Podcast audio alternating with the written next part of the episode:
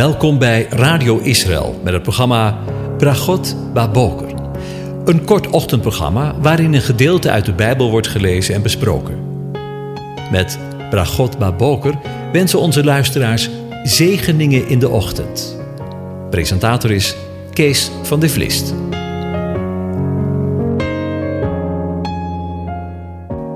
Goedemorgen, Bokatov, beste luisteraars. Vanmorgen denken we weer verder na over Psalm 133. En we lezen de hele psalm. Een pelgrimslied van David. Zie, hoe goed en hoe lieflijk is het dat broeders ook eensgezind samenwonen. Het is als de kostelijke olie op het hoofd, die neerdaalt op de baard, de baard van Aaron, die neerdaalt op de zoom van zijn priesterkleed.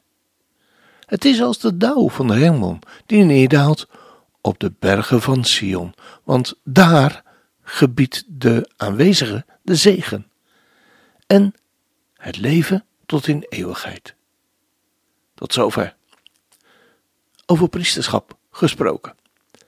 De woorden uit deze psalm zijn van koning David, een van de meest invloedrijke en profetische koningen die uit de geschiedenis van Israël en degene uit wie de Messias zou voortkomen, naar het vlees gerekend.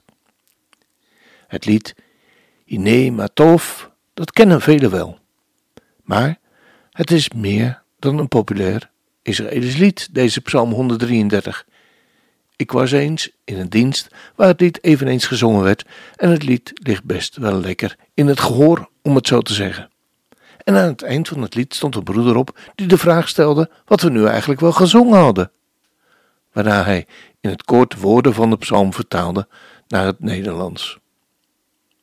Maar misschien is er wel meer over deze psalm te zeggen wanneer we de woorden eens goed vanuit het Hebreeuws proberen te vertalen. En we maken daarbij in de komende tijd gebruik van een Joods-Messiaanse uitleg. De meeste vertalingen vertalen het ma met hoe. Maar zo zeggen de Joden, het is beter om het te vertalen met wat. Daarom leest de Jood dit vers liever zo. Wauw! Kijk, let op. Wat is dit voor goedheid en genot? Broeders en zusters die in eenheid blijvend bij elkaar zijn, zitten en wonen. Of met andere woorden vertaald, de Jood, wat is dit ongelooflijk mooie en echt onmogelijke ding wat ik zie. Echt goddelijke eenheid tussen broeders en zusters. Ja, we horen als het ware in deze woorden het enthousiasme van koning David. En daarbovenuit de woorden van de Messias over het samen één zijn van de broeders en zusters. De nadruk van de woorden is niet dat simpelweg wonen van broeders en zusters is goed en aangenaam, maar dat zowel wonen als eenheid goed is en aangenaam. De woorden van de psalm benadrukken dat goddelijke eenheid de vrucht is van Gods geest, die uitgedrukt wordt in de olie die in ruime mate wordt uitgegoten en de vrucht van eenheid voortbrengt. Maar let op, eenheid is mooi, maar niet het uiteindelijke doel. De Messias, Christus, is het doel en de eenheid is de vrucht van de Messias, van Christus, door het werk van de Heilige Geest. Dit geestelijke principe dat op alle gelovigen kan worden toegepast, in de eerste plaats specifiek profetisch voor Israëls toekomst. Zoals we uit de laatste versen zien, is de zegen die eruit voortvloeit voor een specifiek volk en een specifiek land, Israël. Alle twaalf stammen bij elkaar. Geen verdeeldheid meer. Geen twee en tien stammenrijk meer. Maar het volk is weer bij elkaar onder de regering van de Messias. Helaas moeten we constateren dat die eenheid in het huidige Israël ver te zoeken is. Alleen al wanneer we zien op de politieke situatie in Israël, die uiterst verdeeld is. Maar eenmaal zullen alle muren geslecht worden. Maar laten we bij wijze van spreken maar eens dicht bij het huis blijven. Ook in eigen land is in politiek opzicht sprake van een enorme versplintering en neemt polarisatie hand over hand toe. Niet in het minst door de mensen die ons vertegenwoordigen in de Tweede Kamer. Maar laten we als gelovigen maar niet te veel met de wingen wijzen naar anderen. Want ook onder de gelovigen is sprake van een ontstellende verdeeldheid. Hoeveel kerkverbanden, gemeenten, al of niet messiaans, zijn er al niet in ons kleine Nederland. En wanneer we er niet voor bewaard worden, roepen we allemaal: Des Heere Tempel, des Heere Tempel is hier. Met alle respect gesproken, maar alleen al in Nederland is het aantal filialen waar gelovigen bij elkaar ontmoeten schier ontelbaar. En dan nog, ook binnen kerkverbanden en gemeenten is vaak sprake van elkaar tolereren, in plaats van echte goddelijke eenheid tussen broeders en zusters, zoals Psalm 133 die bij wijze van spreken uitademt. Hoewel er heel veel goed bedoelde pogingen worden ondernomen om samen op te trekken, zal ook binnen kerken en gemeenten pas werkelijke eenheid zijn wanneer de Messias zijn rijk van vrede op deze aarde zal vestigen. Waarom vinden we het als gelovigen zo moeilijk om elkaar minimaal te accepteren, om er niet te spreken over het waarderen van elkaar? Waarom bestrijden we elkaar veel te veel in plaats van dat we elkaar versterken in het geloof? Waarom zoveel strijd binnen en buiten kerkverbanden?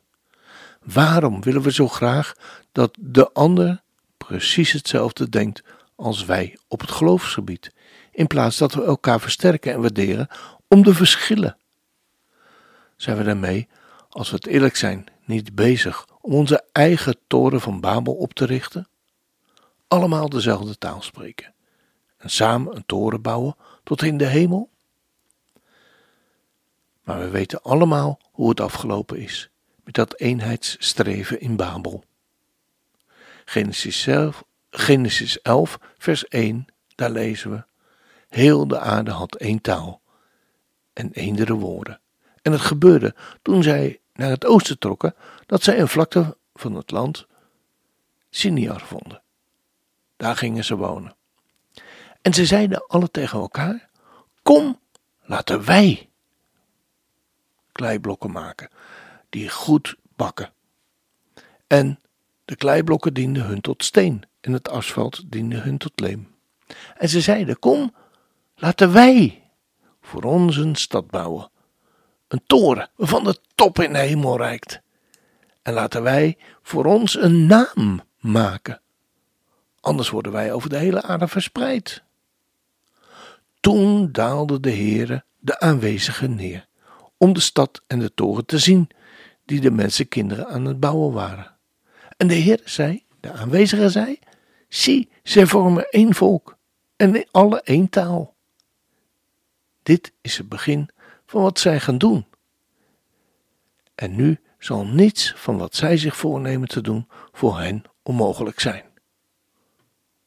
Kom, laten wij neerdalen en zien en laten wij hun taal daar verwarren, zodat zij geen van allen elkaar zullen begrijpen. Zo verspreidden de aanwezigen hen vandaar over de hele aarde, en ze hielden op met de bouwen van de stad.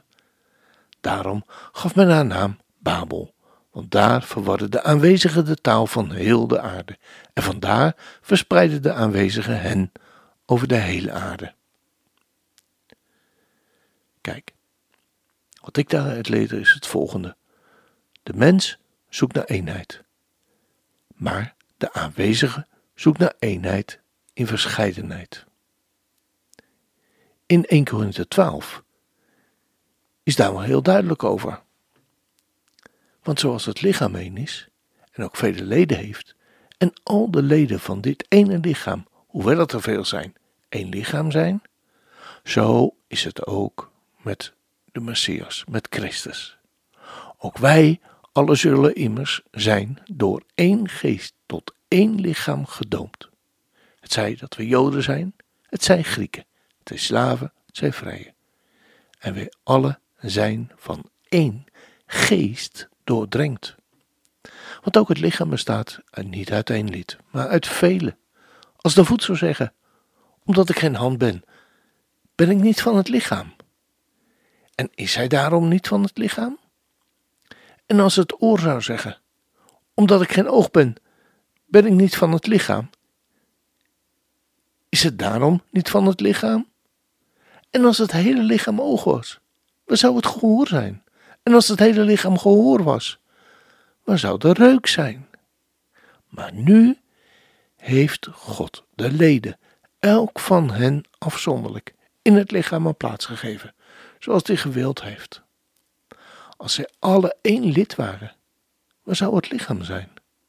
Nu echter zijn er wel veel leden, maar slechts één lichaam. En het oog kan niet zeggen tot de hand: Ik heb je niet nodig. Of vervolgens het hoofd tegen de voeten: Ik heb jullie niet nodig.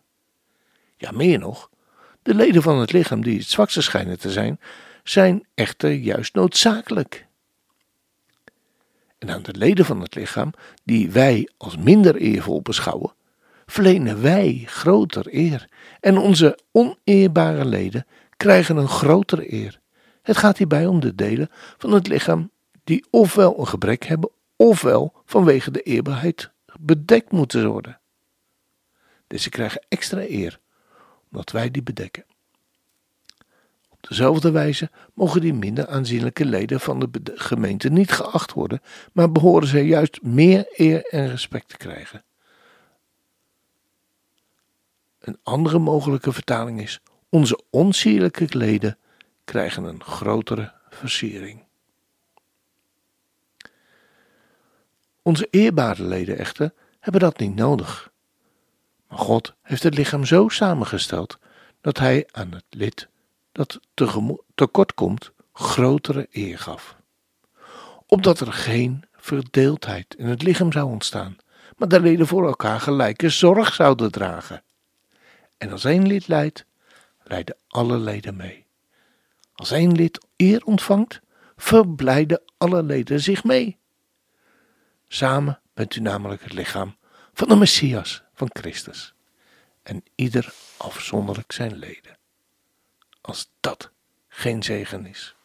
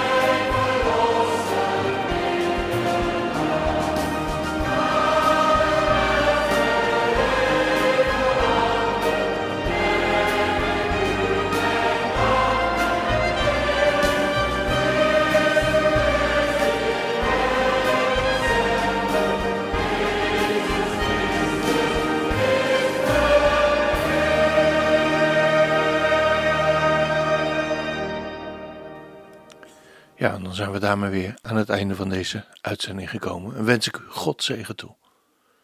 De Heer zegent en hij behoedt u. De Heer doet zijn aangezicht ook vandaag over u lichten en zij u genadig. De Heer verheft zijn aangezicht over u en geeft u zijn vrede, zijn shalom. Amen.